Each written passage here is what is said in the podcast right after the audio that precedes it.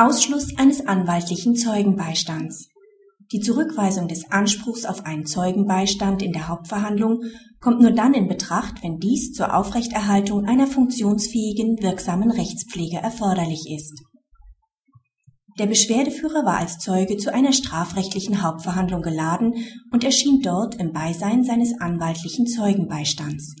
Nach Anhörung erging der Gerichtsbeschluss, dass der Zeuge nicht berechtigt sei, einen Zeugenbeistand zu seiner Vernehmung hinzuzuziehen. Die hiergegen eingelegte Verfassungsbeschwerde hatte Erfolg.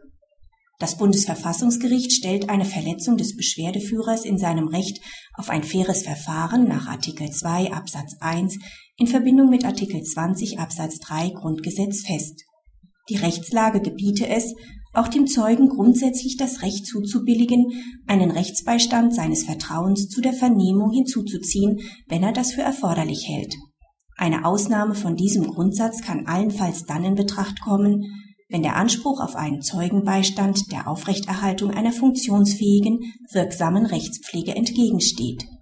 Um die Ausnahme zu begründen, bedarf es stets einer Abwägung zwischen den Interessen des Zeugen und denen des Staates an der Aufrechterhaltung einer funktionstüchtigen Rechtspflege. Im Allgemeinen ist dabei schon nicht ersichtlich, dass die Zurückweisung des Beistands zur Aufrechterhaltung einer funktionsfähigen, wirksamen Rechtspflege erforderlich ist.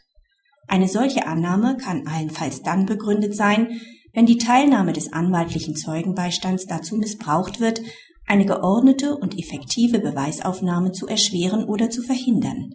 Anhaltspunkte hierfür waren in dem konkreten Fall nicht ersichtlich. Praxishinweis Die Entscheidung des Bundesverfassungsgerichts ist als zwingende Lektüre zum Thema anwaltlicher Zeugenbeistand anzuempfehlen